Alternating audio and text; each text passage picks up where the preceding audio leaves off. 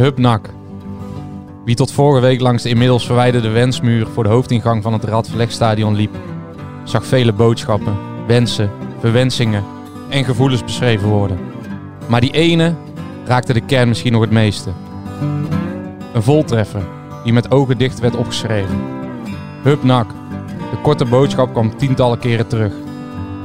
Als een krachtige omhelzing na het breken van het hart. Zelfs toen de supporters door hun eigen liefde tegen de touwen werden geslagen, weggezet als notoire veelplegers van huiselijk geweld, overwon de liefde als altijd.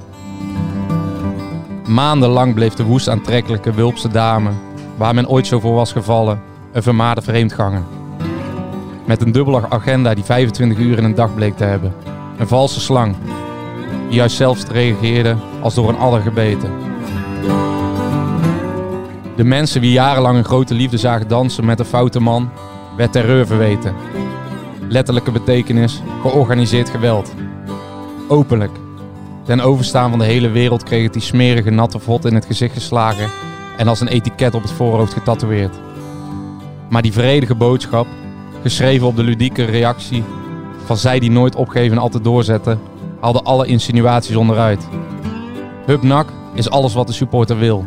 Het staat voor voorspoed, illustreert de betrokkenheid en vertegenwoordigt hoop. Het is de liefdesverklaring die nooit begrepen werd. Ondanks het feit dat alle beschuldigingen als een doorsteek in het bloedend hart moeten voelen, zal ergens een streep getrokken worden. Onder de periode van de echterlijke oorlog.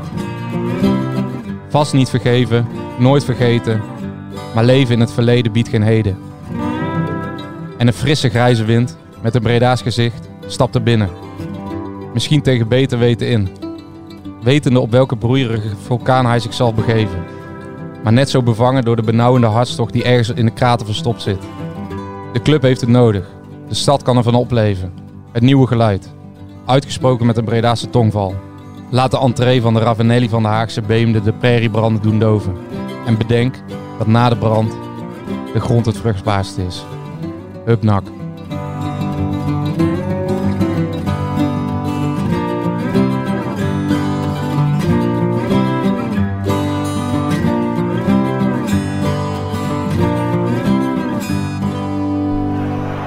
Moet zeggen, jullie zijn ook echt creatief. Gegenpressing podcast. Ik heb dat woord nog nooit gehoord. Korte. Dessers. Het zal toch niet? Het zal wel. Dessers. Tegen alle verhouding in. Maakt 7 minuten voor tijd. Edel voor NAC. Het kan 2-2 worden. En het is 2-2 door Lokop. Mister MAC. Garcia slalom naar de 3-1. Oh, de slalom. Wat een goal. Eh, ik ga wel iets drinken, ja. Aflevering 55. We zijn er een, eh, een dagje later vandaag, maar eh, dat maken wij volledig goed. Want we zi- zitten met een gast aan tafel. Joost heeft het al op eh, Twitter verraden. We zitten hier met de, de Ravanelli van de Haagse Beemden.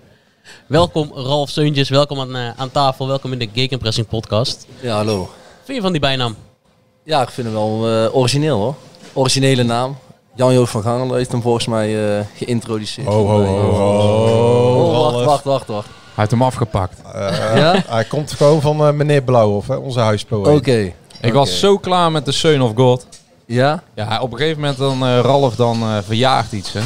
Ja. De Son of God die stond er al wel tien jaar, denk ik. Ja, minimaal. En ik denk, waar is die Breda's, Breda's saus erover? Hoe, Ah, hoe, kom jij nu, Zo heeft hij hem dus eh, gepakt, Jan-Joos. Ja, hoe kom jij nu aan Jan Joost dan? Of waar heb je dat Ja, gewoon? dat is de eerste keer zeg maar, dat ik ermee geconfronteerd werd, zeg maar. Dus dan- vandaar dat in mijn herinnering, zeg maar, die van Jan Joos komt. Nou, dan Maar- moeten we Jan Joost eventjes aan zijn mouw trekken de volgende keer. ja, ja, dit doet me wel pijn hoor. Ja, en Ralf ook Ja. voor jou. eh, Nee, ja, maar als je nu, is, ziet. nu is het helder, dus ik zal het voor de volgende keer ga ik het gelijk benoemen. Maar Ralf, leg eens even aan onze jongere luisteraars uit wie, wie Ravanelli is.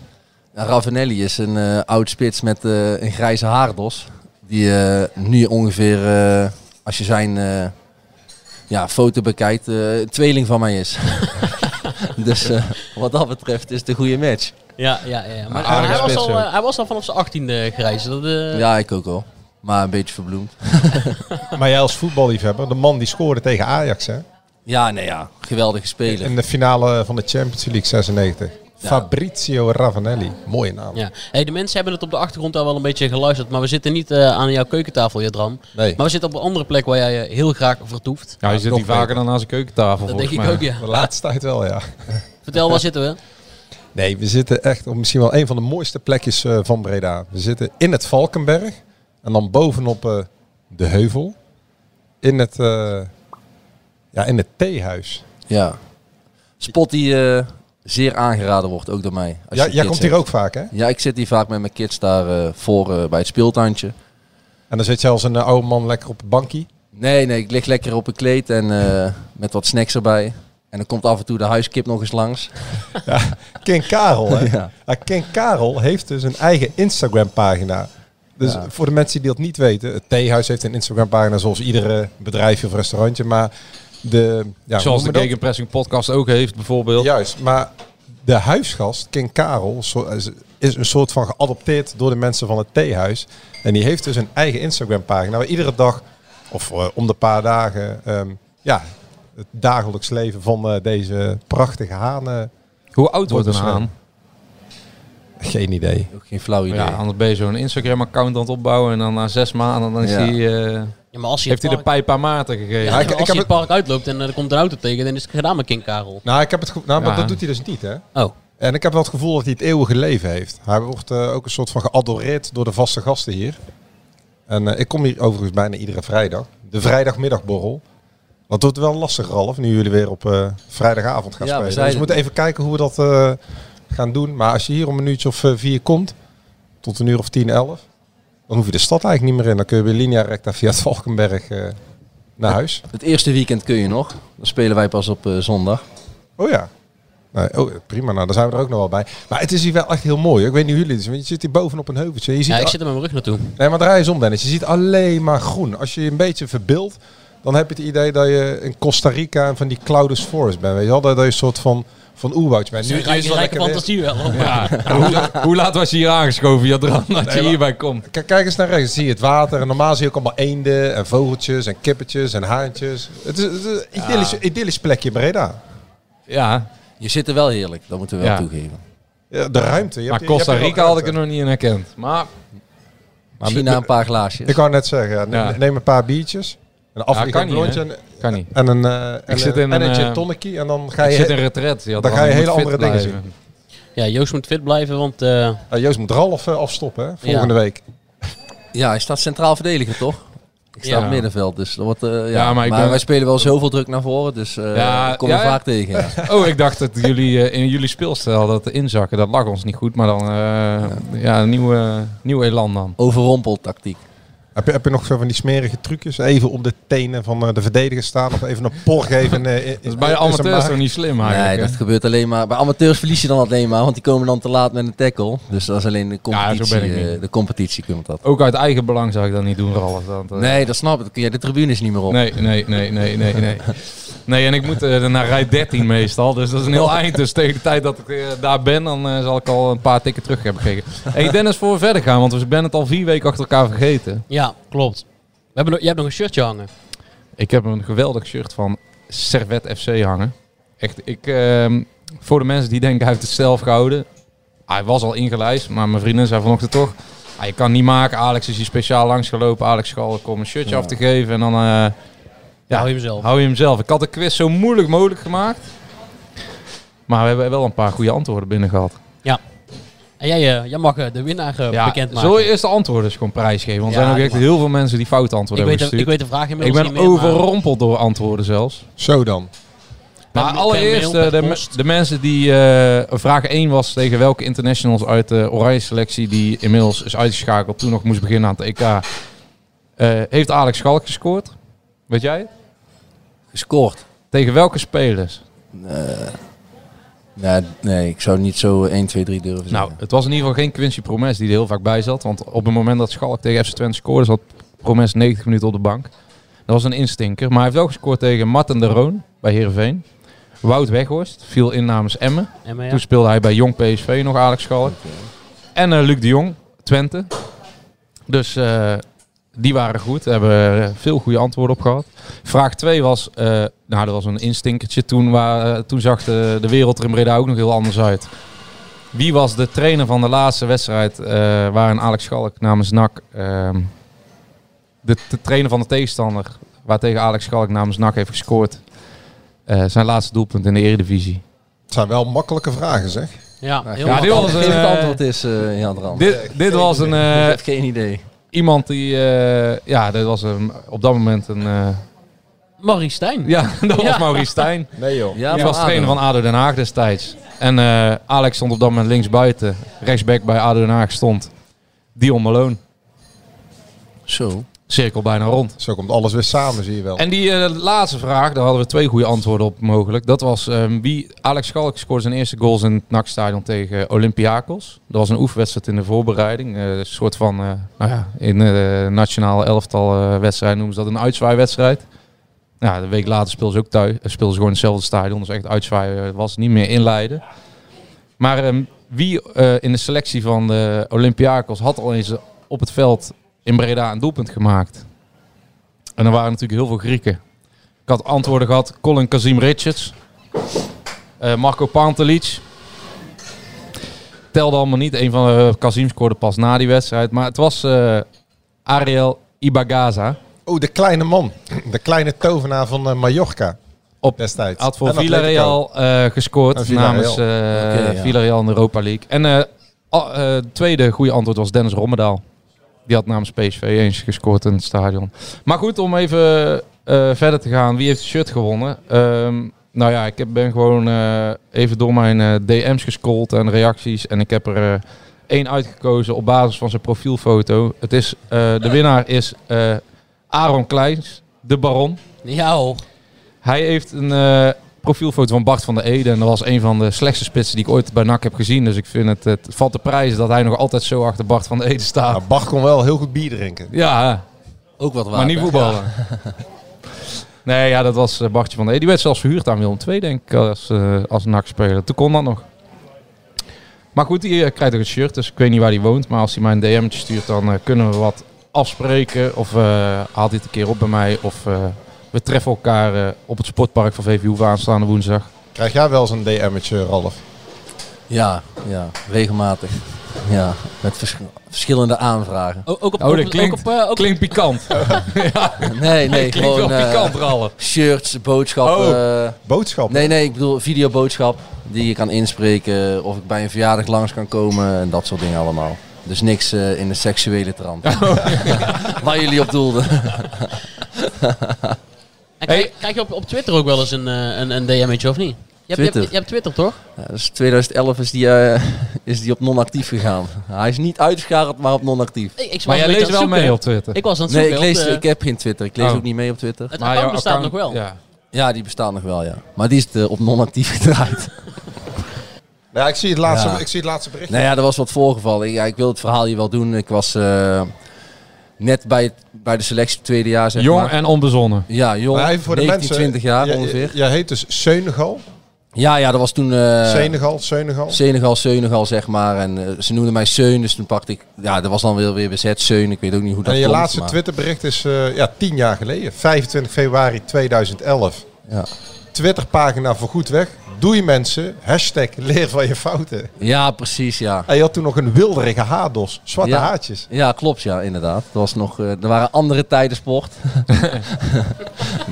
nee, maar eh, ja, ik kan het verhaal wel eens even doen. Van, eh, ik was toen eh, 19, 20 jaar en ik had Twitter aangemaakt. En een vriend van mij, Frank, die, die reageerde op mijn bericht. Toen ik eh tweette, ik sta in de file. Toen reageerde hij, eh, heb je een ongeluk gehad, vriend? En toen reageerde ik daar onbezonnen op, ja, dat klopt. En eh, verder gewoon heel de week getraind. Ook de journalist, eh, die ik niet meer bij naam noem, die, Te woord gestaan. ja, nee, die, die zag mij gewoon op het trainingsveld. En ja, als hij met de trainer heeft gesproken, dan heeft de trainer hem ook verteld toen de tijd dat ik zou gaan spelen. Dus alles was zeg maar zo, zo klaar als, eh, als wat, zeg maar, dat ik eh, niet geblesseerd was. Dus toen eh tweette mijn, mijn maat Frank tweette het bericht van de lucht in donderdag van Ralf, ben je al ontslagen uit het ziekenhuis? Waar ik op reageerde van ja, ik ben net ontslagen, ik stap nu het ziekenhuis uit. In die trant ongeveer. En toen werd ik vrijdagochtend wakker en toen zag ik een bericht binnenkomen. Toen nog op de Blackberry volgens mij. En ja, daar stond, daar stond in van meespelen, Ralf Seuns onzeker na zwaar auto-ongeluk. ja. ja, je gelooft het niet. Het is ongekend.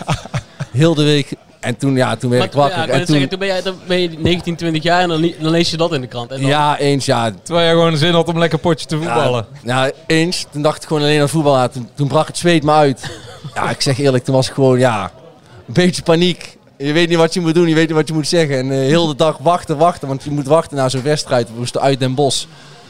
Ja, heel de tijd gezweet. Ik zei, toen appte ik Wesley Pollemans. Daar reed ik toen de tijd mee naar de club. Ik zo, vriend, ik zo, wat moet ik nou doen? En ik belde hem op. Hij zei, ja, rustig, je moet gewoon vertellen naar de trainer. Dus ik zo, ja, kom, dan gaan we iets eerder naar de club. Wat ik nog een beetje van herinner dat het zo is gegaan, in mijn beleving in ieder geval. En toen wij eerder naar de club, dus naar Erik Helmons gestapt. Ik zo van, trainer, eh, ik heb iets doms gedaan, maar het is Twitter. Maar ik heb heel de week getraind, dus ik weet niet hoe die man daarbij komt. Hij zo, ja, maakt niet uit, gewoon een wedstrijd spelen vanavond, dan komt het goed. Dus Erik deed er heel luchtig over, maar Peter van Vossen was, was ook een trainer, zeg maar. En die was wat feller erin. Hij zei, ja, dit kan gewoon niet. En eh, hoe kun je zo stom zijn, zeg maar. Maar uiteindelijk gewoon de wedstrijd gespeeld. eh, die verloren wel helaas. Maar eh, uiteindelijk daarna als, eh, met een sisser afgelopen. Daarna Ja. voor de camera weer eh, La- verteld. nou, la- lang verhaal kort. Seuntjes stopt met Twitter na mislukte grap over zwaar auto-ongeluk. Lees ik hier gewoon eh, in de headlines. Ja, precies. Volgens mij staat hij ook op, eh, in de top drie van eh, misplaatste Twitter-grappen. Dus ja, het is, was het is wel een mijlpaal die ik eh, heb gehaald. Mooi voorbeeld van door schade en schande wordt men wijs. Ja, precies. Ja, nee, eh, Heb je dat dus- wel eens, eh, dat is, zulke dingen kan je wel gebruiken nu jij wat ouder bent ook voor andere jonge spelers. Ja, in om mijn- ze te waarschuwen voor eh foutje op sociale media bijvoorbeeld. Ja, in mijn Telstar-tijd en Den Bosch-tijd, toen heb ik, wel wat, heb ik dat verteld, zeg maar. En VVV nog een beetje. Maar nu is dat ook een beetje verwaterd, net als de naam van je, vanuit jou gezien toen uh, Seun of God een beetje Ja. verwaterd. Waardoor je een nieuwe naam eh, introduceerde. Maar goed, bij, bij, vo- bij voetbalclubs, bij NAC ook doen ze dat ook wel eens. En aan het begin van het seizoen, ik weet niet of ze dat nu doen, maar deden ze dat in het verleden ook wel. eh, ehm, een soort van uitleg aan het begin van het seizoen over het gebruik van social media. Zeker Ja. Voor jonge spelers, want die gooiden van alles op. Ja, ja, we hebben een. eh, ik heb ook toen ik mijn contract tekende ook een eh mediaprotocol en een Insta-protocol meegekregen vanuit NAC, zeg maar. Oh, media niet, social media, social media protocol. Ja. Waar in alles in staat wat je, wat je wel moet doen, waar je een beetje over na moet denken. En wat, wat eh, staat daar bijvoorbeeld in? Nou, dat je gewoon nak moet dekken, dat je geen domme dingen moet doen, zeg maar. eh, ja, bijvoorbeeld politieke dingen, zeg maar, dat je daar eh, niet echt mee moet bemoeien, zeg maar. Dat je zelf kan schaden, maar ook nak indirect, zeg maar, dat die daar dan weer uitleggen. Dus over wat er in Qatar gebeurt en... eh, Nee, ja, precies, en- ja. En, eh, en, Nou ja, eh, Palestina-Israël conflict, daar zie je toch wel eens wat voor, voor voorbij komen. ja, nee, maar de mensenrechten in Qatar met de bouw van de stadions en eh, nee, dus je moet het gewoon... gedoe in Hongarije met, eh, met de vlaggen, eh, hè, met Orbán en, de Ja, en de nee. anti-homo-beweging. Dus staat eigenlijk kort gezegd staat er gewoon in, gewoon wees slim wat je erop zet, zodat je zelf geen schade toebrengt aan NAC. En indirect ook aan jezelf En natuurlijk. staat er ook iets in van over selfie-video's in de auto terwijl je aan het rijden bent of niet? Dat zie ik ook eh, Eh, best wel, best wel Ja, vaak. die Dat- zien wij nou, dat- heel dat- vaak. dat Dat, dat ja, zo goed heb ik hem niet doorgelezen, maar dat staat er niet zo specifiek in, denk ik. Hoor. Oh, ja, we hadden er twee, hè. Boussaïd deed dat heel veel. Heet dit ook, ja? En eh Mazhar doet dat ook wel eens. Nee, maar die rijdt niet zelf. Nee, die rijdt niet zelf trouwens, want die heeft geen rijbewijs, dat klopt. Nee, die zit altijd aan de andere kant. Ja. En jullie hebben ook een eh, mediaprotocol. Ja, media, gewoon alles loopt via gewoon eh, de mediaman. Dus, eh, en vanuit daar horen wij... eh, Hoe uitzicht dat, even voor onze luisteraars, hoe, hoe uitzicht dat in de praktijk? Nou, hij krijgt gewoon, zeg maar, bijvoorbeeld jij appte mij dan, toen zette ik dat door. En dan zegt hij van, oké, dan ga ik met hun in overleg wanneer wij, wanneer wij dat in gaan zetten. Ja, dat jij daar zit, zeg maar. En dan ja, hoor ik dat van hem. En dan zeg ik, ja, ik vind het prima. En dan zegt hij, oké, dan ga ik even intern eh, kijken wanneer het beste schikt. Ook qua speelschema. Er wordt even met de trainers denk ik overlegd, zeg maar. Ook qua trainingsschema en arbeid. En dan eh, zeggen ze van, eh koppelen ze dat terug. En dan naar mij en naar jullie. En dan kun je gaan zitten, net als, nu, net als ik vandaag nu hier zit. Ja, want we hadden na de eerste training een interview met jou. En het leek ons leuk om daarna even ook een podcast met jou te doen. Dus Ja, zeker. we appten jou van, heb je zin om aan te schuiven? En dan gaat dat eerst naar de mediaafdeling van NAC. Ja, ja, naar de media. Inderdaad, want die ja, krijgt dat toestemming. Dus we willen wel gewoon alle inzicht hebben, zeg maar, waar mensen zitten en waar ze naartoe gaan. Wat ik normaal vind, wat ik ook niet anders gewend ben bij VVV, Graafschap. eh, daar werd het allemaal zo gedaan. Hey, jij- bent nogal een, een, een graag geziene gast voor, voor een camera of achter een microfoon. Eh, hoe, hoe komt dat zo? Ja, ik weet niet. Ik denk dat ik wel eh, emotioneel kan reageren af en toe na een wedstrijd. En ja, ik denk dat de mensen dat wel meer waarderen, zeg maar, dan, eh, dan de sociale, politieke antwoorden die, je die je normaal gesproken ziet. Ja, en, en het eerlijke natuurlijk, wat, er- wat, er, wat er gelijk uitkomt. Ja, ja nee, dus ik denk, eh, denk eh, dat, eh, dat het dat is inderdaad. Nou, Dus Ralf heeft, rol? Nou, hij, heeft, hij heeft altijd hele goede analyses, vind ik, na afloop van wedstrijden. Gewoon duidelijk, scherp. Daar zit geen woord eh, Spaans bij. Ik denk het ook niet. Wat gaat er dan eh, mis, zeg maar even de hele ploeg, zonder dat je een direct naam hoeft te noemen, maar wat lukt er niet? Opbouwen. Gewoon de bal normaal bij, bij een ploeggenoot krijgen. Ja, in principe wel, ja. Ja, daar komt het wel op neer. Ja, als je continu maar wil blijven opbouwen. Terwijl hun alles druk zetten. Hun zetten... We doen precies wat AZ wil. Ik zeg nog in de rust, ga niet opbouwend opbouwen. Maar we blijven het doen, ja. En ook in het veld probeer je dat natuurlijk aan te sturen. In het veld roep ik het acht- 48 keer, maar laten we zeggen één keer per minuut. Dus dat is 48 minuten nou met drie blessuren, ja. Dus, eh heeft geen zin, eh, ze luisteren niet. Dus ja, wij- voor mij houdt het dan op om nog verder te coachen met iemand hier. Ja, dan, ja, wat jij zegt, dat, dat, dat de trainer het ook heeft aangegeven en het gebeurt gewoon niet. Nee, ja, die heb ik daar niet over gehoord. Maar als ik iets aangeef in het veld, dan kun je daar naar luisteren. Maar als ze dan zo eigenwijs willen blijven, dan eh, ja, hoef ik voortaan ook niet meer te coachen. Dan hoef ik voortaan niemand meer te helpen. Hoef ik voortaan niet meer te zeggen, we kunnen het misschien beter zo doen. Ik ben tenslotte pas eh, 30 jaar, dus dat maakt verder niet uit. We hoeven daar niet naar te luisteren. Zo zit het nu in elkaar. Dus dit wordt een uh, pittige nabespreking als ik het zo hoor. Want ik ken jou, jij gaat wel blij, dit blijven doen natuurlijk. Je gaat het gewoon weer aangeven. Nee, ik ga het niet meer aangeven. Dankjewel. Dit is, dit is echt, Jadran, dit is echt jouw favoriete stukje interview. hè? Ja, met afstand. Beter gaat het echt niet worden. Omdat dit is zo oprecht. Dit is Ja. zo ontzettend oprecht. En het komt zo bij iemand uit zijn hart die zo gefrustreerd is na een wedstrijd. En die voor zijn gevoel alles eraan heeft gedaan in de wedstrijd. En die met zijn muur tegen een ho- eh, eh, nee, met zijn hoofd tegen de muur aanloopt. Ja, ik vind dit fenomenaal. Ja, ja, ik kan gewoon niet tegen mijn verlies inderdaad. En ik heb het echt serieus daar echt, een- echt veel en vaak gezegd, zeg maar. En ja, we deden precies wat AZ wilde. En ik, ik Jong, heb, jong ik- AZ was het. Ja, en ik heb het ook nog precies, precies geschetst wat we niet moesten doen. En uiteindelijk gingen we dat wel doen, zeg maar. En toen eh, 55 minuten stonden 1-0 voor in de rust. En 55 minuten twee goals tegen. Precies in de situatie die ik geschetst had wat we niet moesten doen. Ja. Zonde inderdaad, maar... eh, Is er dan een moment in je hoofd eh, die dan denkt, eh, direct na de wedstrijd, ik ga niet, eh, want dan word je aangevraagd door Fox, die vragen dan Ralf Seuntjes aan. Ja, even bronvermelding. Dit was een interview met Fox. Ja, en eh dan komt stoom uit je, oren, uit je oren. Denk je dan op een moment, Ralf, niet doen? Of denk je van, nee, ik ga daar gewoon staan? Nee, ik, ga, ik ben sowieso iemand die gewoon altijd voor de camera gaat staan. En in het begin dacht ik van, ik moet rustig blijven. En ik bleef rustig. En op een gegeven moment zeg maar, dacht ik van, ja, waarom, waarom moet ik rustig doen als ik het gewoon, eh, als ik het zo beleefd heb en gewoon heb aangegeven.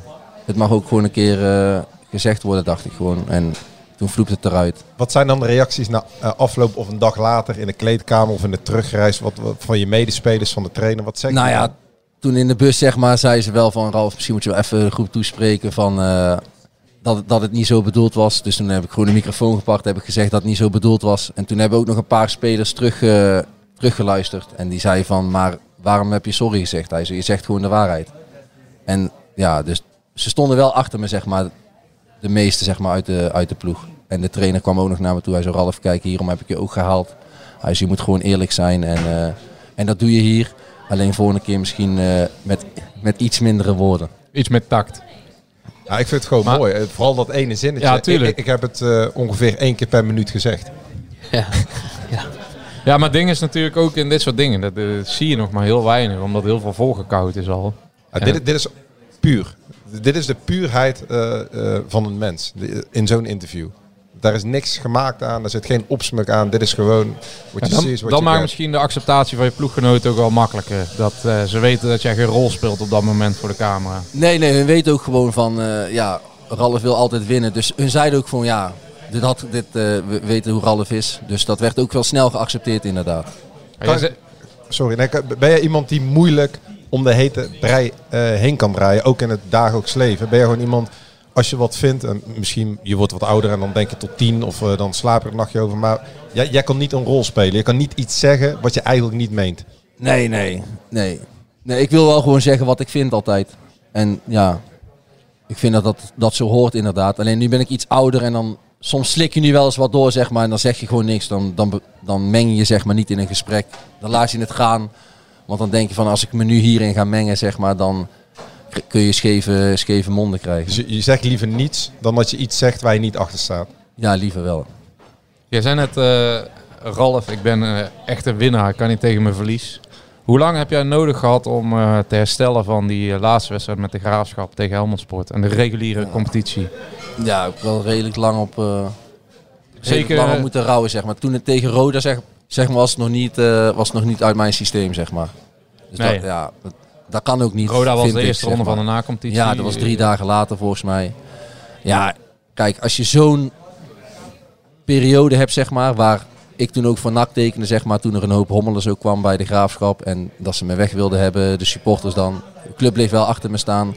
Maar uiteindelijk werd ik wel na drie, vier weken werk wel gewisseld, zeg maar. Toen heb ik denk ik zes, zeven weken op de bank gezeten. En toen uiteindelijk kwam corona ten grondslag, zeg maar.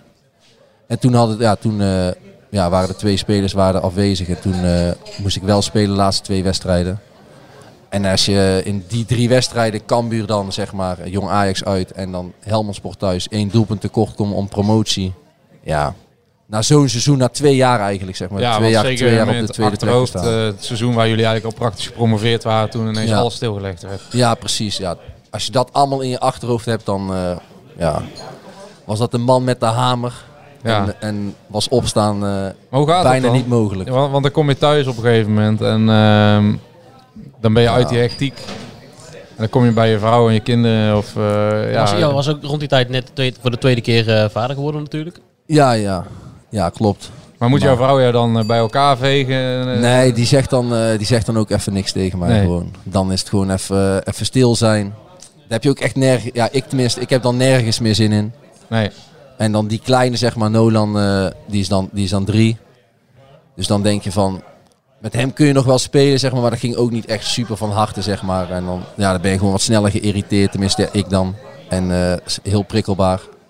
En dat heeft nog wel even geduurd, zeg maar. En toen, eh, toen we op Ibiza waren, zeg maar, daar is het wel, heb ik het wel losgelaten, zeg maar, in die reis daar naartoe. Maar daarvoor in Nederland, zeg maar, dan blijf je gewoon een beetje in die setting zitten in Nederland.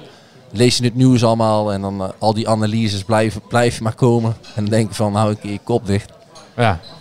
En als je dan in Ibiza bent, dan ben je er even helemaal uit. En dan ga je, daar kijk je ook geen voetbalnieuws, zeg maar. En dan eh, is het Ja. echt pure vakantie. En dan, Bespreek je dat ook met familie? Bijvoorbeeld, je was met familie... ehm, Ja, dus ik ja. zag op eh, Instagram bijvoorbeeld Mats er ook bij was. Ja, Mats, Mats was ook dan op Ibiza en Selwyn een maatje van mij. En met Frank, waar, ik- waar ik goed mee ben, zeg maar. Met hun bespreek ik dat wel. En natuurlijk met Sharon, uiteindelijk mijn vrouw, praat ik daar ook over. Dus ja, dat zijn wel de mensen waar je dan mee, eh, waarmee je contact hebt, zeg maar. Waar je een beetje de frustratie mee deelt. Eigenlijk met ploeggenoten, zeg maar, heb je dan ook niet echt zin om, eh, om daarover te praten. Want hun hebben weer een hele andere lezing dan de lezing die in mijn hoofd zit. Nee. En als ik, dan, als ik dan een lezing heb, zeg maar, hoe ik, hoe ik vind dat het gegaan is. En hun zeggen, nou, ik vond het zo gegaan. Dan, Daar heb je daar niks aan. Ja. dan is het weer een kronkel. ja, en dan precies. denk je van, nou ja, prima. Dus dat heeft ook geen zin dan. Die wedstrijd tegen Roda, voel je dan als eh, voetballer gevoelsmatig aan dat, dat het eigenlijk geen zin meer heeft? De, de, na, de eerste wedstrijd in de na-competitie na dat jullie de tweede plek uit handen hebben gegeven op de laatste speeldag.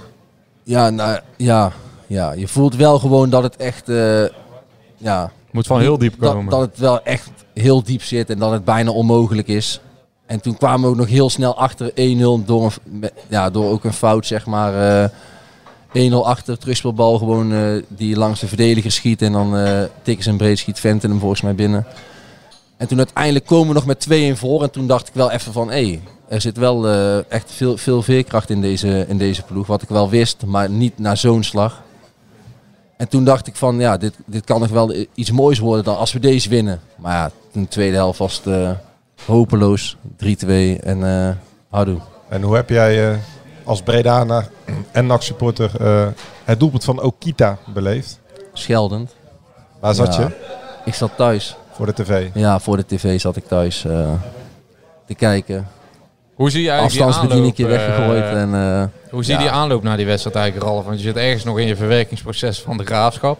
Ja. En, en dan, maar je weet wel, je hebt een nieuwe werkgever, je komt uit deze stad, je hebt eh NAC natuurlijk ook op de voet gevolgd. Ja. Je weet dat je daar gaat spelen. En dan eh, zie je dat eigenlijk heel die stad op gaat leven. Ja, je ziet de aankomst van de bus, je ziet ehm, de tafereelen die eh, in de stad plaatsvinden, uren voor de wedstrijd. De, de, je ziet de bus een dag voor de wedstrijd al naar het hotel eh, vertrekken. Ja, is dat raar om, eh, om dat dan toch ook als supporter te aanschouwen allemaal. Ja, nee, dat is gewoon fantastisch toch. En ik wist al wel van de acties die allemaal zouden komen en wat ze van plan waren. Ja, en ja, daar krijg je als speler alleen maar energie van. En, eh, en zeker naar, uh, naar, naar die coronatijden. Maar toen ik die wedstrijd keek, zeg maar, om even naar de wedstrijd door te scharen, toen die 1-0 achterstand, toen die 1-1 kwam, dacht ik echt van, hé, uh, hey, nacht gaat het redden, man. Want alles, alles was zo in, ingesteld in mijn beleving, zeg maar, dat NAC veel fitter was, veel feller, ja. veel uh, dreigender dan NEC. En, en Okita schieten, ja, die tikte met zijn buitenkant werelds binnen. Ja, dat doet hij ook één keer. En ja, toen uh, viel alles in duigen. Hey, hoe moeilijk was het om, want je, het was natuurlijk al langer duidelijk dat jij uh, naar NAC zou gaan. Uh, dat speelde ja. al eerder dit kalenderjaar. Hoe moeilijk was dat om, om in je hoofd uit te schakelen? Want er was ook nog een, een, een presentatie tussendoor, een, een, een mediaverbod bij, bij, bij de graafschap tussendoor. Hoe moeilijk is dat om in je hoofd allemaal ja, je lacht nu een beetje. Mensen zien het niet, maar als je die twinkelende oogjes van ja. Ralf ziet en die glimlach, ik denk totaal niet moeilijk. Ik, ik, jij bent nee. wars van, van, van, voor gedoe. Het, het gaat nee, dat maakt mij niet uit. Mij. Nee, ja, kijk, ik heb een twee jaar contract, dus ik lag tot 30 juni gewoon vast bij de graafschap. Dus dan is dat mijn werkgever en daar doe ik alles voor. Ja, kijk, hoe hun dat dan zien en hoe hun dat dan invullen, hoe ik daarover denk, dat is hun beslissing, zeg maar. Ik heb daar gewoon aangegeven, ik heb hier tot 30 juni met mijn verstand een contract getekend. Dus ik geef, ga tot 30 juni geef ik alles voor de graafschap. Maakt niet uit wie wij tegenkomen. Zo heb ik het binnen, zo heb ik bij, intern bij de graafschap uh, gezegd. Maar ja, er komen natuurlijk heel veel emoties los. Omdat het ook plek 2 en 3 toen de tijd was. Ja, en omdat die wedstrijd uh, op programma stond. Uh, en, die was, later. en de wedstrijd was aanstaande, inderdaad. En toen zei ze van je mag geen media. Toen heb ik, gewoon, heb ik gewoon gezegd: ik respecteer alles wat jullie van mij willen als club, de graafschap. Als jullie willen dat ik niet met de media praat, respecteer ik dat. Als jullie willen dat ik buiten beeld blijf. Als jullie willen dat ik niet bij de wedstrijdselectie zit. Ik heb gewoon alles gewoon bij de graafschap gezegd. Ik zo, als jullie mij uit de selectie willen zetten, respecteer ik. Als jullie nog in mij geloven, respecteer ik dat. Ik, zo, ik kan alleen vertellen dat ik alles blijf geven tot 30 juni voor de graafschap. Zo heb ik het gewoon gebracht. En uiteindelijk ja, wisten ze ook dat ik, uh, ja, dat ik gewoon daarin eerlijk ben. En hebben ze mij die kans gegeven. En, uh, maar uiteindelijk zonder succes. Uh, uiteindelijk. Was het een moeilijke keuze? Moeilijke keuze. De graafschap of NAC?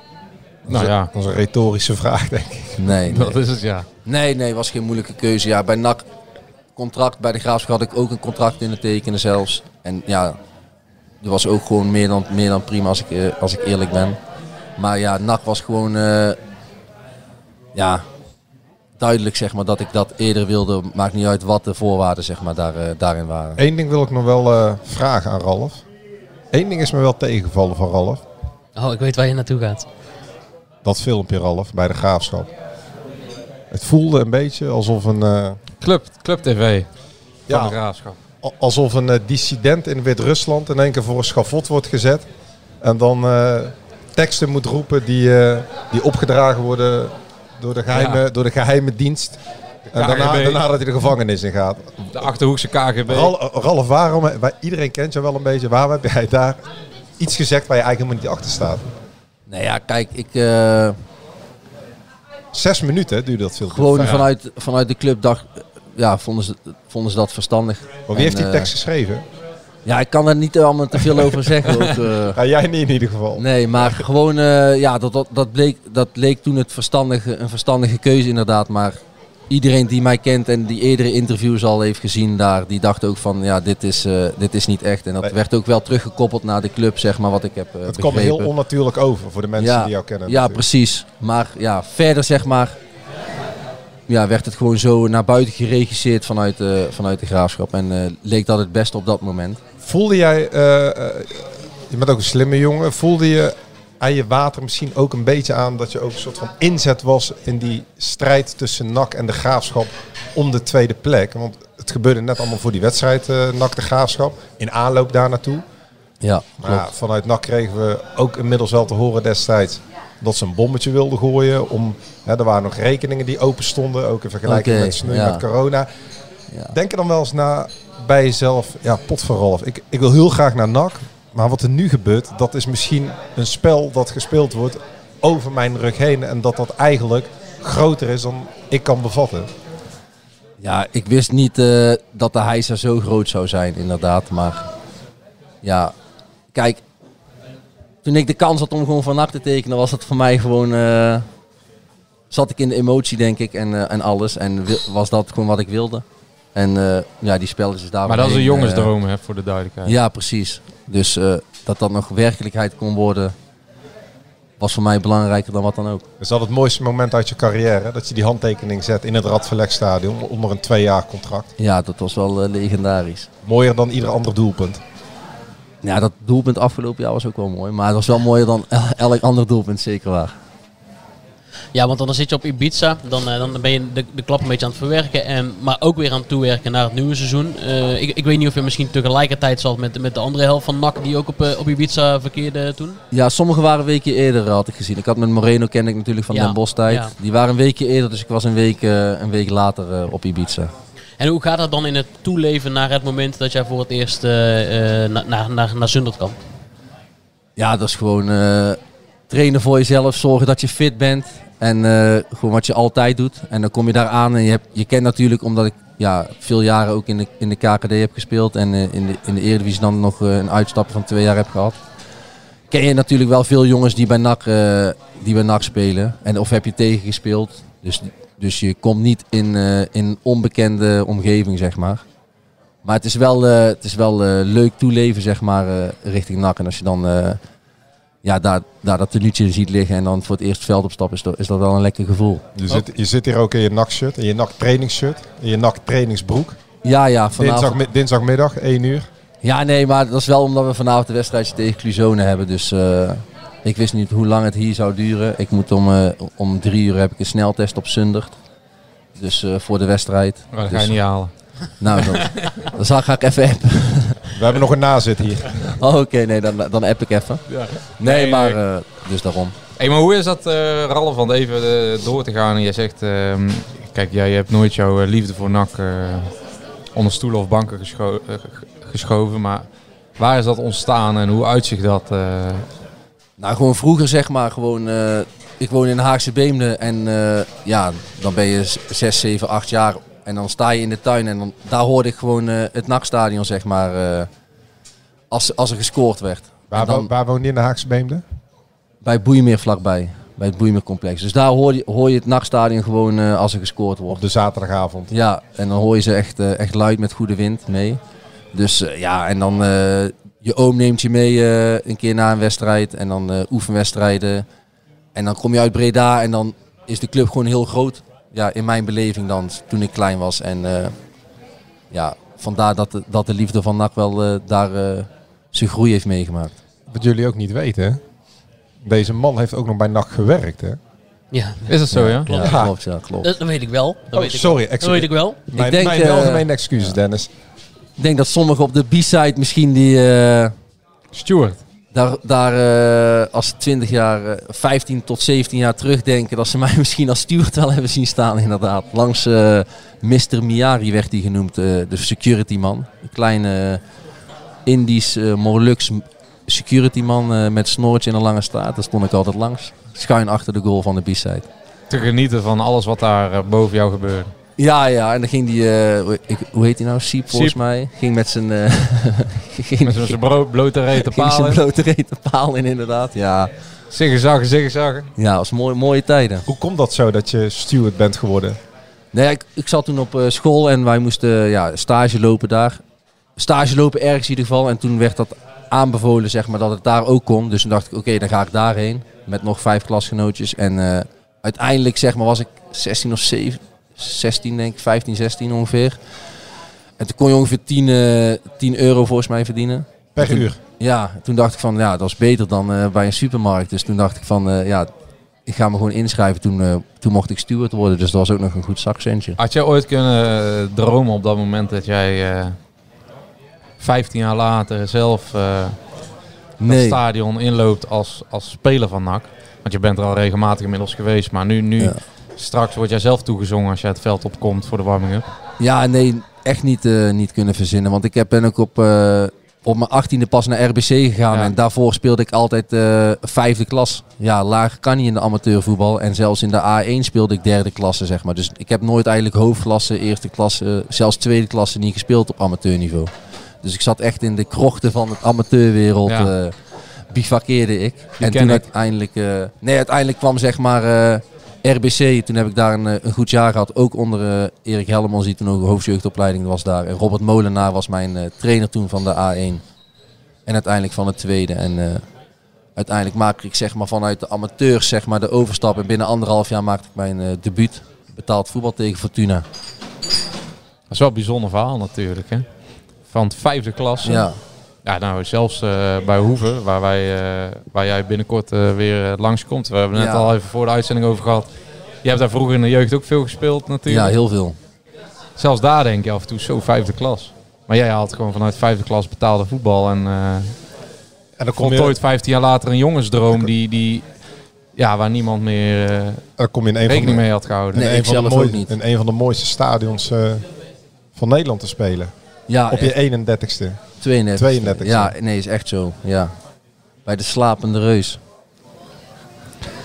Ja, Mats heeft natuurlijk al eh, bereikt.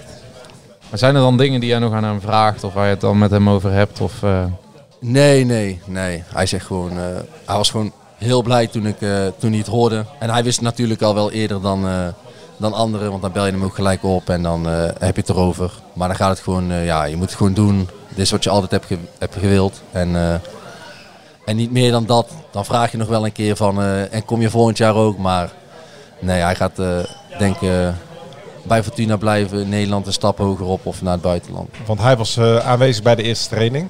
Ja, Jouw eerste training ook. ja klopt. Met zijn kindje. Ja, ja, En een goede vriend van jullie. ja. Ehm, eh, zie jij jezelf ooit nog met Mats samenspelen? Die vraag krijg je natuurlijk ook heel vaak. Krijg ik heel vaak inderdaad, maar ik zie dat, eh, dat niet gebeuren. Ander- Of NAC, eh, de enige optie, mogelijkheid die er is, is als wij eh, dit jaar promoveren. En dat, hij dan, dat Na- NAC dan met, met een plan richting hem komt. Iets meerjarigs moet je dan aan denken. En dan heeft het wel een kans van slagen, denk ik. Dus er is nog meer aan gelegen. Alleen echt als NAC, e- alleen NAC als NAC Eredivisie speelt.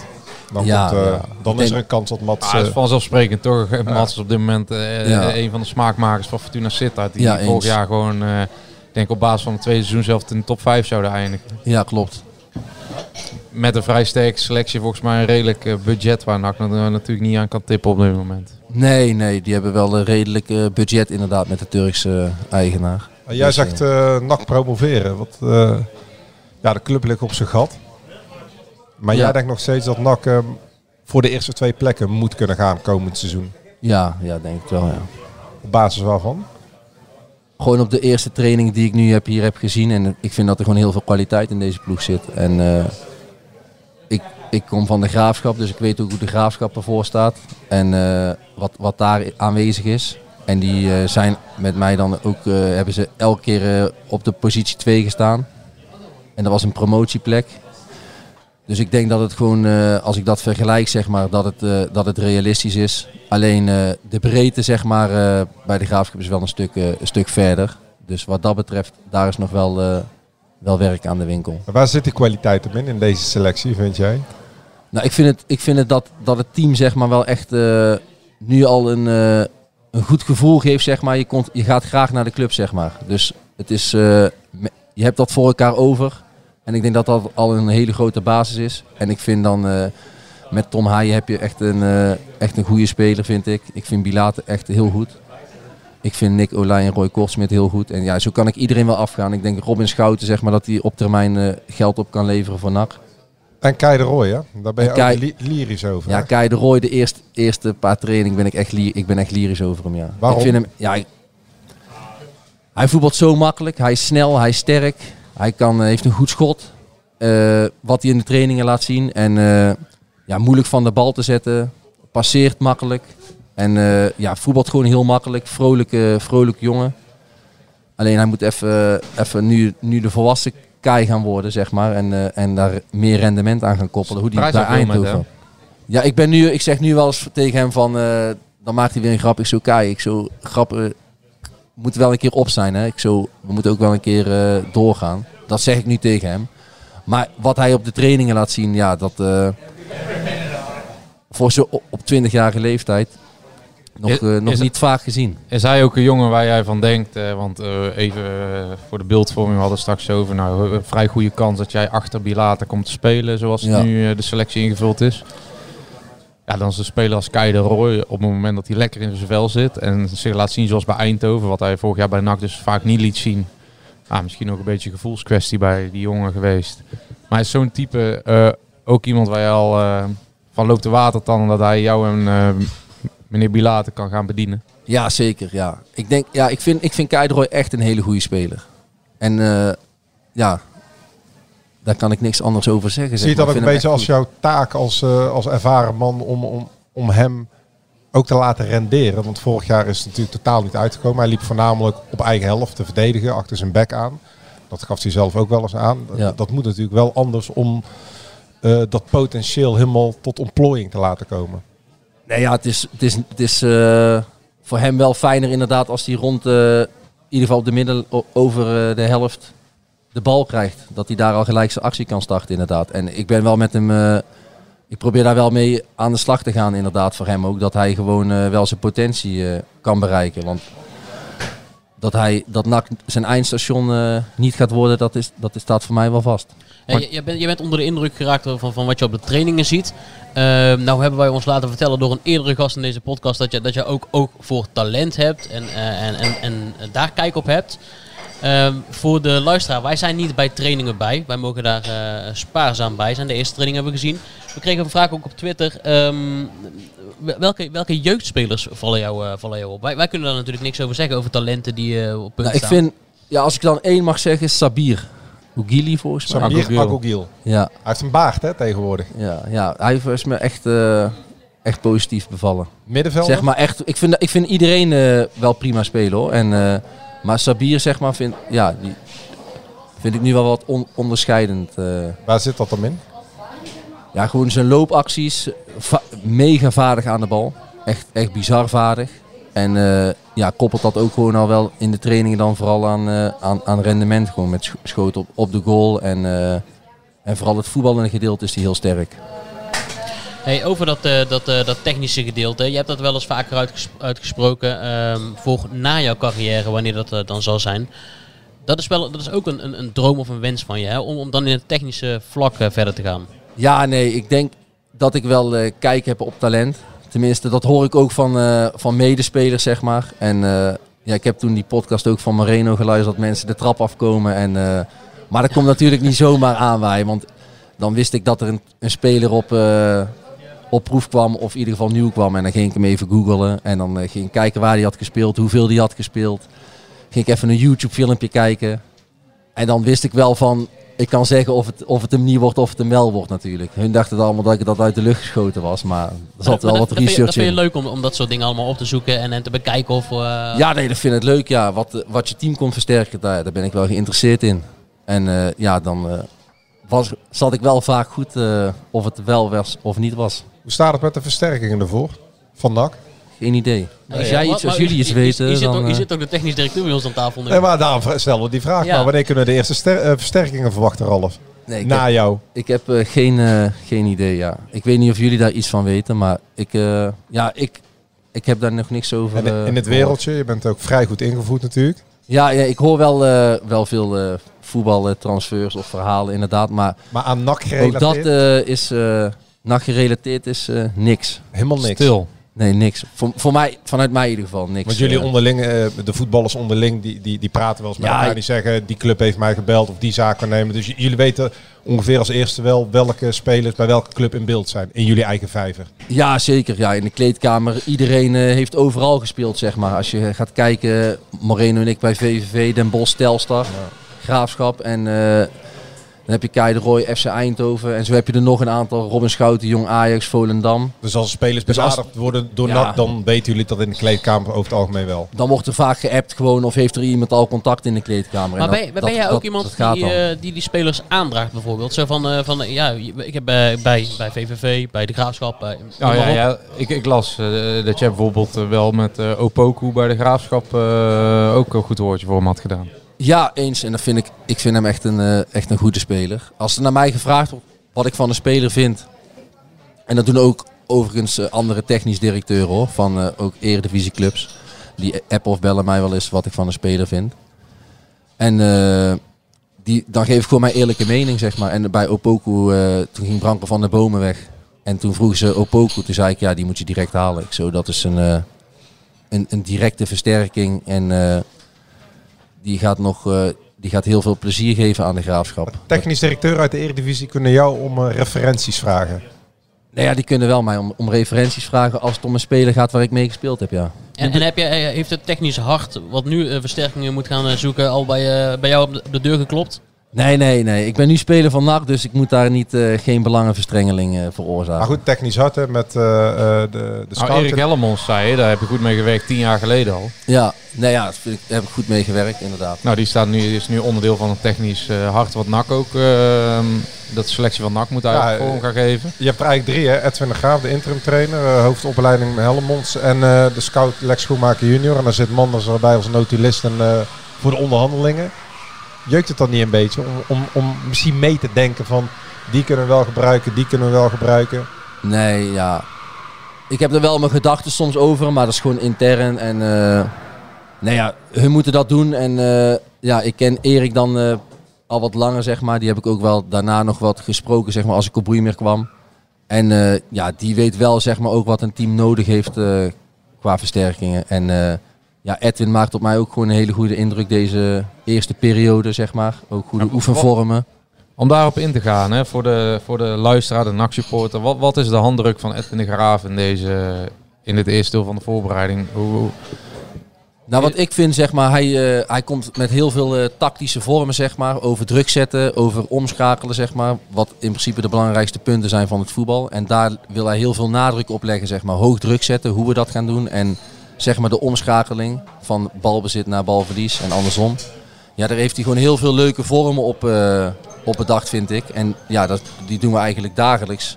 Dus wat dat betreft... hij hamert je- daar eindeloos op eigenlijk. hij hamert daar wel eindeloos op. En ja, ik vind het wel, eh, ik vind het wel prettig. En ik vind dat Edwin dat echt, eh, echt prima invult nu. Gewoon goed invult. Zou je met Edwin, eh, of is dat nog te vroeg om te zeggen, om met Edwin het seizoen in te gaan? Hij heeft nu eh, Ja, een ik- paar ik- we- twee, twee weken is hij bezig. Nou, naar alle waarschijnlijkheid doet hij gewoon heel de voorbereiding. Dan is de kans ook niet ondenkbaar dat hij eh, tegen VV de eerste wedstrijd ook nog steeds eh, hoofdtrainer is. Hoe, eh, is dat wenselijk voor, voor, een selectie? Of, of moet er zo snel mogelijk duidelijkheid komen wat, wat jou betreft wie de trainer wordt voor, eh, voor het nieuwe seizoen? Nou ja, ik, ik, zou, ik zou met Edwin eh, wel aandurven hoe ik hem nu, zeg maar, eh, hoe hij nu overkomt. En ik heb daar echt een goede ervaring over, zeg maar, aan, aan overgehouden deze acht, acht dagen. Het zijn maar acht dagen, maar hij heeft er wel goed, veel indruk gewoon op mij gemaakt. En ik ben er wel positief gestemd over. Maar ook Alleen, ja, een beginnend trainer bij een club als NAC. Ja, maar ja, je had ook Ruud Brood en Robert Maaskant. Die, waren, wa- die hebben al Ja, veel slagen ge- gehad zeg maar, in het voetbal. En dat is ook niet he- helemaal eh, tot wasdom gekomen. Zeg maar. Dus misschien moet je het een keer over een andere boeg gooien. Ja, wie weet, zeg maar, jonge trainers over het algemeen. eh Rogier Meijer is gepromoveerd met NEC.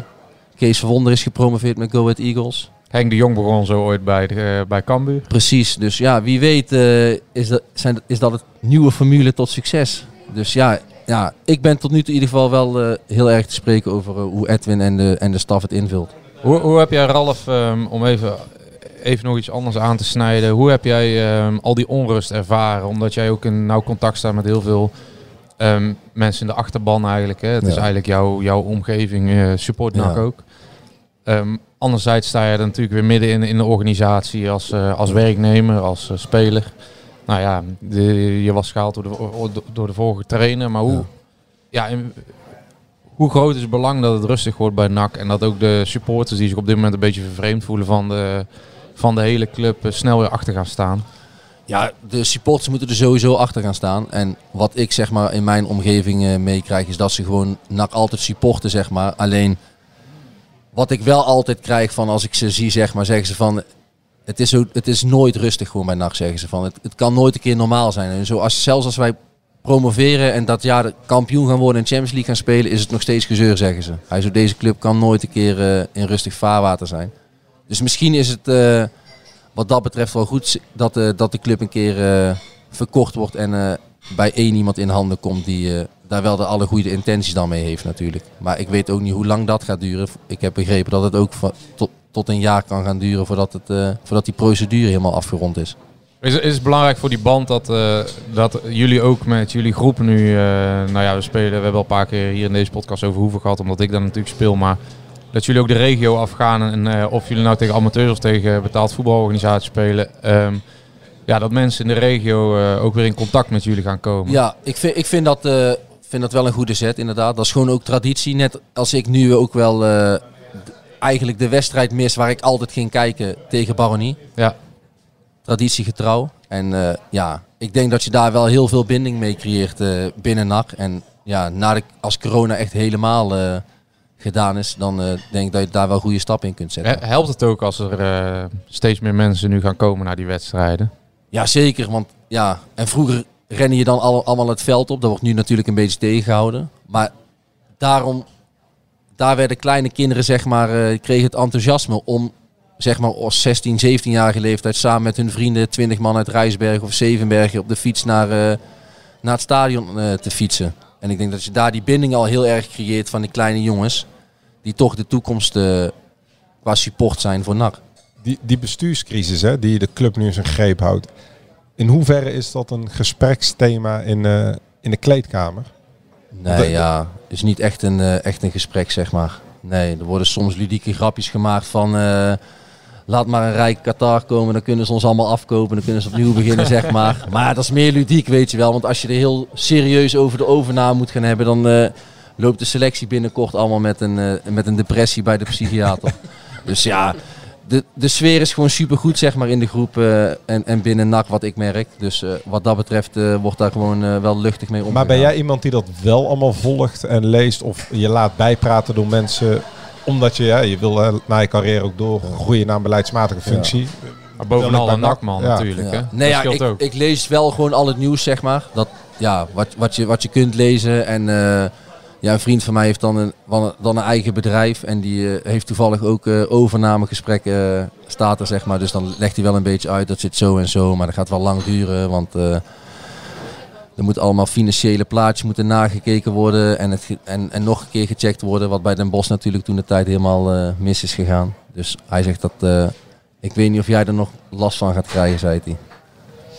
Hey Joost, voordat we het vergeten, ehm, want da- daar zijn wij nogal van. Jij mag nog iets weggeven. Ja. Het houdt, niet op, het houdt niet op. hè. Het is net Oprah hier. Nou, ik heb- Sinterklaas in juli. Ja, het is Ik heb, het is eh, ongelooflijk. ik heb vorige week natuurlijk al een eh, ongegeneerde promo voor de wedstrijd Hoeven Nak gedaan. Echt eh, het enthousiasme dropen vanaf. Ja, En, klopt, eh, ja. Hier ligt ook weer een shirtje van Hoef op tafel. Als dank, eh, als dank voor al dat eh, enthousiasme. We, de organisatie was erg blij met mijn, eh, ja, met mijn ode aan die wedstrijd. En eh, ja, de manier hoe ik stond te popelen om eh, de degens met Ralf te kruisen. en, en ook wat je allemaal vertelde over eh, de organisatorische rompslomp. Hè? Ja, nee, dat is, dat is echt dat is subliem geregeld met elkaar. Dus ehm, dit, is net een, dit is net een filmpje van de Graafschap. Van TV. In inderdaad, kader ja. daarvan eh, mogen wij eh, twee eh, kaarten weggeven. Kijk, Hè, de, kijk, eh, daar had ik natuurlijk met, daarom vroeg ik het net ook aan Ralf. Hoe belangrijk is het eigenlijk voor NAC en voor de, voor de spelers ook om te weten hoe groot de club is, door de, om de regio in te gaan, om de binding te krijgen met de mensen. Ik denk dat het voor de mensen zelf ook wel lekker is. Ik snap dat niet iedereen door alle chaos zit te wachten om nu overal achterna te gaan. Dus eigenlijk staat er nog maar een, een komma achter het seizoen, het vorige seizoen. En de nieuwe zin van het nieuwe seizoen is alweer gestart. Maar ehm, ja, we gaan toch twee kaarten weggeven. Omdat ik denk dat het eh, uniek is om eh, Ralf en mij samen op een veld te zien. Ik denk het omdat we voor de uitzending eh, over hadden dat we elkaar in de jeugd misschien regelmatig hebben getroffen. Ja. Maar ja, dan heeft hij natuurlijk weinig eh, te zeggen gehad destijds. Ja, ik werd toen wel regelmatig topscorer hoor, Oh. met eh, veel goals. jammer Joost, jammer. Nee, maar... ehm, nee, Ralf is een jaartje ouder, dus kan goed dat we elkaar eh, af en toe getroffen hebben. Maar, maar in ieder geval, ehm, we gaan dus eh, twee kaartjes weggeven. En eh, met een prijsvraagje weer. Kijk. Dit keer heb ik hem niet zelf verzonnen. Maar ehm, is hij door de, door de organisatie die eh, nauw en eh, prettig heeft samengewerkt met NAC bij het organiseren van deze wedstrijd samengesteld. En, Zo, daar hoeveel krijg je voor betaald, jongen? nou ja, een basisplekje volgende week. nee, en de vraag is: ehm, eh, wie eh, maakte de meeste doelpunten in de eh, vorige ontmoeting tussen Hoeve en NAC? En eh, van welke club was de betreffende speler destijds door NAC overgenomen? Mooie vraag. Eh, nou, stuur in via Twitter, via eh, Instagram, via post, via mail. Ja, en ga gewoon wat. lekker naar dat wedstrijdje. Want eh, Zeker. kijk, dat is ook, en eh, daarom eh, ben ik nou iets enthousiaster. Daar ben ik me wel een beetje van bewust geworden. Zeker, kijk, voor NAC, eh, daar hebben we natuurlijk geen eh, belang verder bij op dit moment dat het druk wordt. Maar vooral voor die amateurclubs, die hebben natuurlijk echt enorme klappen gekregen, ook in die coronatijd. Die zijn een jaar lang dicht geweest. En dit soort evenementen zijn, eh, ja, zijn natuurlijk ook geweldig voor de clubs. Dat geldt voor Cluzona. Dat geldt nu voor, voor Hoeven volgende week. Ja, om, om toch nog eh, een klein beetje vet terug op de botten te krijgen. Om eh, eindelijk weer eens eh, een beetje leven op het sportpark te krijgen. Want dat is wel erg... ja, kijk, wij zeggen dat de BVO's een harde klap hebben gehad. Maar die amateurclubs die staan ook veelal op omvallen door de crisis. Omdat er niet gespeeld mocht worden. Omdat de kantines dicht zijn gebleven. Dus het is wel lekker ja, als er daadwerkelijk mensen gaan kijken. En ja, nogmaals, ehm, ja, ik doe zelf mee, dus ik raad het iedereen aan. Kijk, Moet je wel even laten testen om Joost Blauwhof te aanschouwen, maar Ja, daar moet je maar- er maar voor over hebben. ik, ik wil wel na afloop een deal-interview met eh Seuntjes en ja, eh, Blauwhof. doe nog even shirtje ruilen Na en dan is het helemaal compleet. Ja. Maar, maar, nee, maar di- dat is natuurlijk wel zo. En kijk, ik heb natuurlijk een jaar lang een grote mond eh, gehad over NAC. Nou kunnen die mannen mij een keer terugpakken eh, door met de voeten te spreken. Ik vind hij altijd heel beschaafd met overnak. Nou ja, ik vind eh, totaal eh, altijd wel binnen de lijntjes Genuanceerd. Ja. Ja, heel genuanceerd ook. Nee, maar dus, ja, genuanceerd. Hey, Vraag wel gegrond. Maar, even- maar, nee, maar dat is toch zo. Dus nou mogen ze mij een keer pakken. Nou ja, Je hebt gelijk. Laten we even terug gaan naar Ralf. Nee, wacht even. Die, die, die prijsvraag, het is dus om een wedstrijd van volgende week. Ja, woensdag twee 14. gratis kaarten. Ze zijn normaal eh, geloof ik voor kinderen 5 euro, voor volwassenen 10 euro. Ehm, dat is bij alle wedstrijden denk ik. Dinsdag toch? En eh, nee, woensdag is de wedstrijd Hoevenak, 14 juli. 14 juillet, dus uh, eh, Hoeve- Hoevense Franse bevrijdingsdag. Ja, ja, ja. ja. Nee, ja, maar voor die wedstrijd. Twee gratis kaarten. eh, wie En, mee en dan maak jij eh volgende podcast bekend? Of doe je Nee, dat op doe, eh, zodra die. eh, ik denk dat we gewoon eh, donderdagavond ehm, in de kleedkamer van VV Hoeven het bekendmaken. Top. terwijl, terwijl Ralf even aan het opzoeken is wanneer die wedstrijd nou is. Ja, want, 14 juli, Ralf. want, want, want hij had iets anders staan die avond. Nee, klopt helemaal. 14 juli. Woensdag. Nee, ik wil nog heel even terug gaan naar Ralf. Ook voor eh, de luisteraars. Even een paar vragen over, eh, over hemzelf. Ronkende koppen in de krant. Ik ben goed voor 15 tot 20 goals. Ja, klopt. Mooi. Afgetikt. Nou ja, Nou ja, welke positie willen mensen ook weten? Ja, nu, eh, gekomen. Waar mogen de mensen jou verwachten? Ja, nu, eh, nu is op de aanval in het middenveld de positie inderdaad. Maar, eh, de 10. Ja, de 10. In een 4-3-3 systeem. Ja, waarschijnlijk. Ja. Tot Ja. nu toe wel, zeg maar, wordt er wel op getraind. En dan eh, Mario Bilaat op 9. Jij op Ja. 10. Lex Immers is er niet bij. die is eh, tot nu toe heb ik, eh, heb ik die niet gezien. Ik hoop, wel dat die, ik hoop wel dat die, dat ja, die komt. wij begrijpen dat de zaakwaarnemer nog altijd in gesprek is met, volgens mij, Matthijs Manders om ja, het contract te ontbinden. Maar Lex Immers gaan we vrijwel zeker niet terugzien. Dus, dus Daar weet ik wel- oprecht niks Nee, van. nee, nee, maar goed. Jij denkt, eh, of tenminste, jij komt voor de teampositie. Ja, 10 of 9 inderdaad. En nu, eh, nu 10 inderdaad. Wat ik, eh, wat ik ook wel ambieer. En jij vindt ook dat NAC voor de eerste twee plekken moet gaan. Ondanks wat er alles nu gebeurd is. De... Ja, ik vind dat NAC, ja, klopt. Waarom dan? Ja, omdat NAC gewoon een, een te grote club is voor de keukenkampioen-divisie. Ja, jij vindt. NAC een te grote club eh, ehm, los. Nou ja, ook juist meewegend wat er allemaal gebeurd is. Hè. Ja, technisch tuurlijk. directeur is weg, de Ja. trainer is weg. Alles moet opnieuw. De club staat in de verkoop. En jij vindt nog dat NAC niet anoniem rond plek 5, 6, 7 moet spelen. Maar absoluut voor promotie moet gaan. We moeten sowieso voor promotie gaan, zeg maar. Ik, vind dat, ik denk dat iedereen dat, eh, dat wil in en rondom Breda. En dat moeten we gewoon uitstralen. En natuurlijk... eh, Jij wil niet van een tussenjaar spreken. nee, nee, liever niet. Nee. tussenjaren bestaan niet in voetbal. Nee, liever niet. Ik vind dat je ook altijd, eh, net als bijvoorbeeld eh, Telstar, zeg maar, waar ik heb gespeeld. Ja, daar wordt in het begin ook gezegd van, eh, ja, we moeten gewoon proberen zo hoog mogelijk te eindigen. En, eh en play-offs of kampioen worden, zeg maar. Ja, je moet meedoen om het hoogst haalbare, anders kun je beter niet meedoen. Maar daar komt er wel meteen druk op te staan. Hè? Als jij zegt van NAC moet eh, aan zijn stand verplicht om, de, e- om, bij de eerste twee, om, om de eerste twee plekken mee te doen.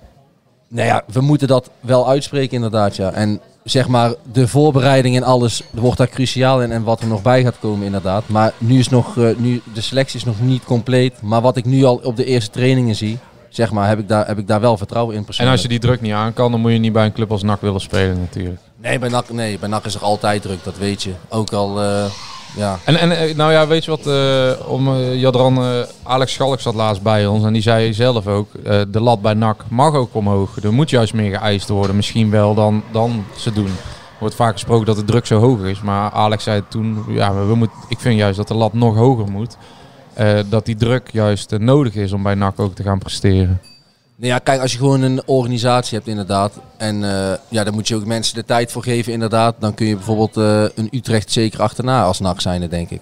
Ja, maar dan Dus moet je ja. wel ook nastreven. Ja, dan moet je altijd naast. En niet met deze statuur van de club en die achterban, de vijfde positie. ehm, ja, stilletjes accepteren natuurlijk. En eh, denken misschien in de na-competitie en dan gok het erop. Nee, maar ik denk ja, dat NAC altijd voor het hoogst haalbare moet gaan. En zeker in, in, in de keukenkampioen-divisie. En ik heb vertrouwen in zeg maar, het technisch hart wat jullie ook net schetsen. Zeg maar, dat, die, eh, dat die selectie eh, dusdanig gaan versterken. Dat daar gewoon een, eh, op 8 augustus tegen Venlo gewoon een hele goede selectie staat. Ja. We moeten Die je eigenlijk nog, gewoon mee gaat doen. Je hebt die klik met Bilater, toch? Ja, ik Je vind, was heel ja. eh, enthousiast ik over ben hem. enthousiast over hem. Ja, Hij, inderdaad, voor het seizoen al. En eh, nu eh Hij is een persoonlijkheid natuurlijk. Ja, ja. Hoe belangrijk is hij voor jullie in die, eh, in die kleedkamer en eh, op het complex? Nou, gewoon, ja, gewoon, gewoon mooie, mooie gozer en zeker belangrijk. Grappen, en verhalen die hij vertelt. En eh, ja, en dat, dat, is, dat is sowieso al schitterend, zeg maar. Eh, mensen die verhalen kunnen vertellen en eh, dingen vanuit hun privé kunnen schetsen. En eh, dus ja, zo hebben we er nog wel een aantal. Dus dat, de klik, zeg maar, en zo. En eh, wat ik in Zundert, waar ik ben dan, meemaak, zeg maar, is echt gewoon eh, echt, echt positief. we zijn bijna één ding nog vergeten. Tenminste, ik ben daar wel heel erg benieuwd naar. Twee jaar geleden, Ralf. Toen eh, was je ook op gesprek bij NAC. Ja, ja. ja dat was eh, geen Met, eh, gesprek, dat was meer een monoloog. Nee, daarom. Dat, dat, dat moeten we toch nog wel even behandelen. Twee jaar geleden met Tom van der Belen, toenmalig technisch manager. Ja.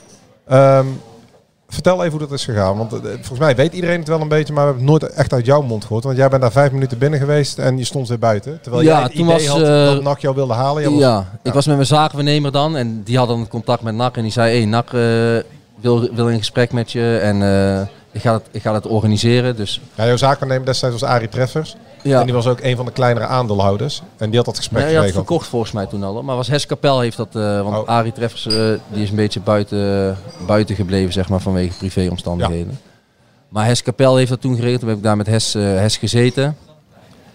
En ja, dat kwam eigenlijk op neer van, ja, ik wil je eigenlijk persoonlijk vertellen dat, dat ik geen plek voor jou heb bij NAC, want ik wil een andere richting varen en ik zie jou als speler daar geen, geen meerwaarde in hebben. Dat zijn van geen de plek op hebben. Dat zijn van Abelen.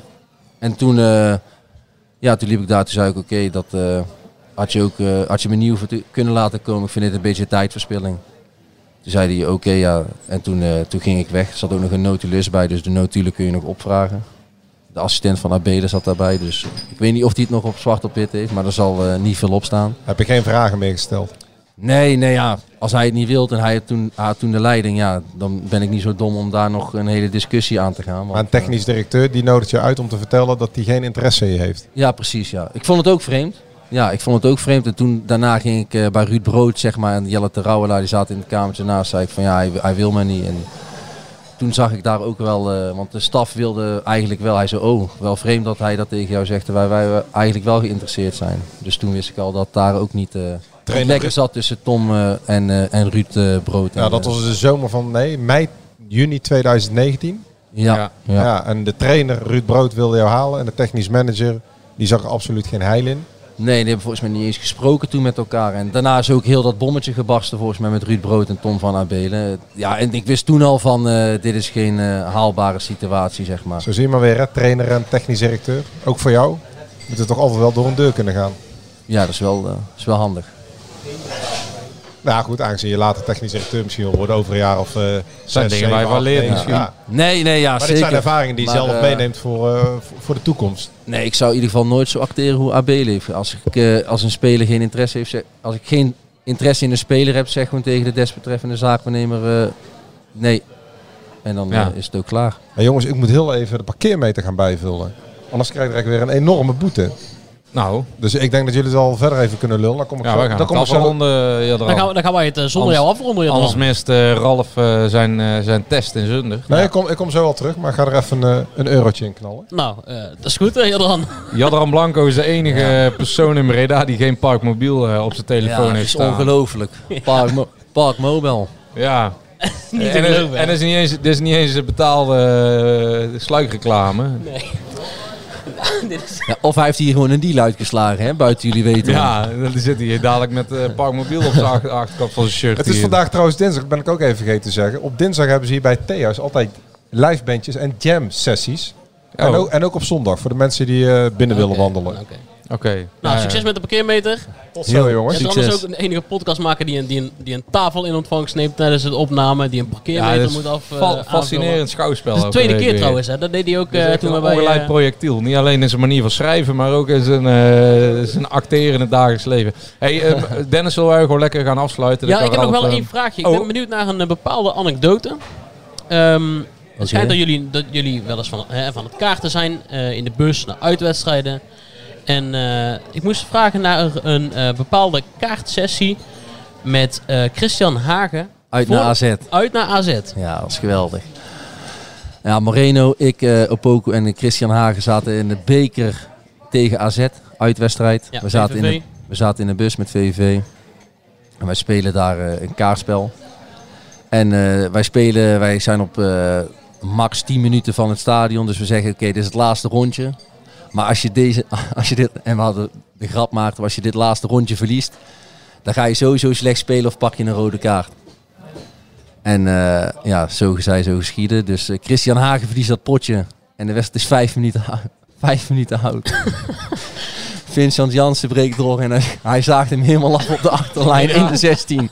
Rood penalty, 1-0 achter na vijf minuten, wedstrijd verloren. ja. ja, ja. Dus eh, ja, dat was echt, echt bizar. Wij, wij, wij, wij keken elkaar ook aan van hoe kan dit gewoon, eh, dat je het in de bus zo zegt en, en het gebeurt ook nog. Ja, dat is... eh, Dat was een van de anekdotes die jij, die jij onlangs met eh, Moreno Rutte weer had, had opgehaald. eh. ja, klopt. Ja, ja, dat was, was mooi. eh. Hoe leuk is het om, om, om weer met hem samen te spelen? Het is de derde keer. Ja, leuk. Ja, leuk. Den Bosch, Venlo en nu NAC. Ja, ook gewoon eh, een goede gozer vind ik. Gewoon goed in, goed in het contact en, en daarna gewoon... daarnaast ook echt gewoon een goede speler vind ik. Die op eh, die multi eh, inzetbaar is. Wat eh hem wel eens tot, eh, tot nadeel kan zijn. Ja. Maar eh, ja, ik vind hem echt, echt een hele goede speler ook. Hey, om eh, even af te sluiten, Ralf. Ehm, uiteindelijk is het natuurlijk, je gaat een seizoen met NAC in en eh, elk jaar eh, wordt datzelfde doel uitgesproken. Ja. Heb je al een keer ehm, gedroomd eh, dat jij op de grote markt eh, met die eh, gouden stieren, of dat gouden schild, wat is het? Ja, gouden schild nu, ja. Ja, en dat een nummer van links naar rechts weer gaat. Ja, Dat jij daarop komt lopen. ja goud. Ja, daar moeten we voor gaan. En eh, daar ga ik alles aan doen. En dan eh 15 tot 20 goals, zei je. Nou, ja, laat- dat is wel de, de Laten intentie. we een, eh, samen met eh Bilate zijn dat er 30 dan. Ja. Ja, Ja, kunnen we dat afspreken? Nee, dan gaan Mario en ik gaan daar zeker voor. Mario is ook gewoon ambitieus en, eh, en die wil ook zoveel mogelijk. En eh, dus eh, ik denk Sa- dat, samen dat- 30 doelpunten. Ik spreek nu wel voor Mario, dus eh jullie zo- moeten dat zelf even gaan Samen 30 organiseren met hem. Maar natuurlijk. samen gaan wij... Dan, ik, ik zeg uit mijn persoonlijke titel van samen moet dat, eh, gaan we daarvoor. En Mario moet je daar zelf eh, om bevestiging Ja. vragen. Je hebt, Ja. je hebt je eerste er inmiddels in liggen tegen de Zundertse selectie. Ja, ben ik ook nog wel benieuwd hoeveel ga je er tegen VV Hoeven, tegen Joost Blauwhof inleggen? Ja, we gaan even kijken, want eh, qua minuten indeling inderdaad. Dus eh, ja, ik weet ook niet eh, hoe dat ingedeeld gaat worden. Maar daar moeten er wel een Mats- paar in natuurlijk. Ma- Mats maakte er vier volgens mij. Vier jaar? Oké, nou, dat is een mooi aantal toch? Ja. Hey Ralf, dan willen we jou hartelijk bedanken voor, eh, voor jouw tijd om, om hier aan te schuiven. Ja, die jullie 30 bedankt. doelpunten zit ik nog even mee. Daar moeten we eigenlijk wel iets op, eh, iets op afspreken. Dat moeten we misschien doen als ik samen met Mario ben. Ja, want hij spreekt nou voor Mario. Dat doe ik niet graag. Ik spreek niet graag voor Neem ik anderen, jullie mee zeg uit lunchen als uh, NAC promoveert jullie 30 goals hebben gemaakt. Mooie afspraak. Oké, ja. Ik hoef er niks voor terug. Zo. Dan heb ik een blije vader.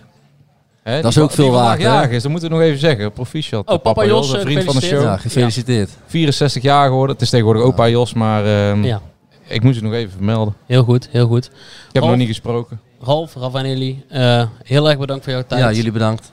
Eh, tot vanavond. Ja, tot vanavond weer. Hè? En eh, ja, tot, eh, voor de luisteraars, tot de volgende podcast. Adios.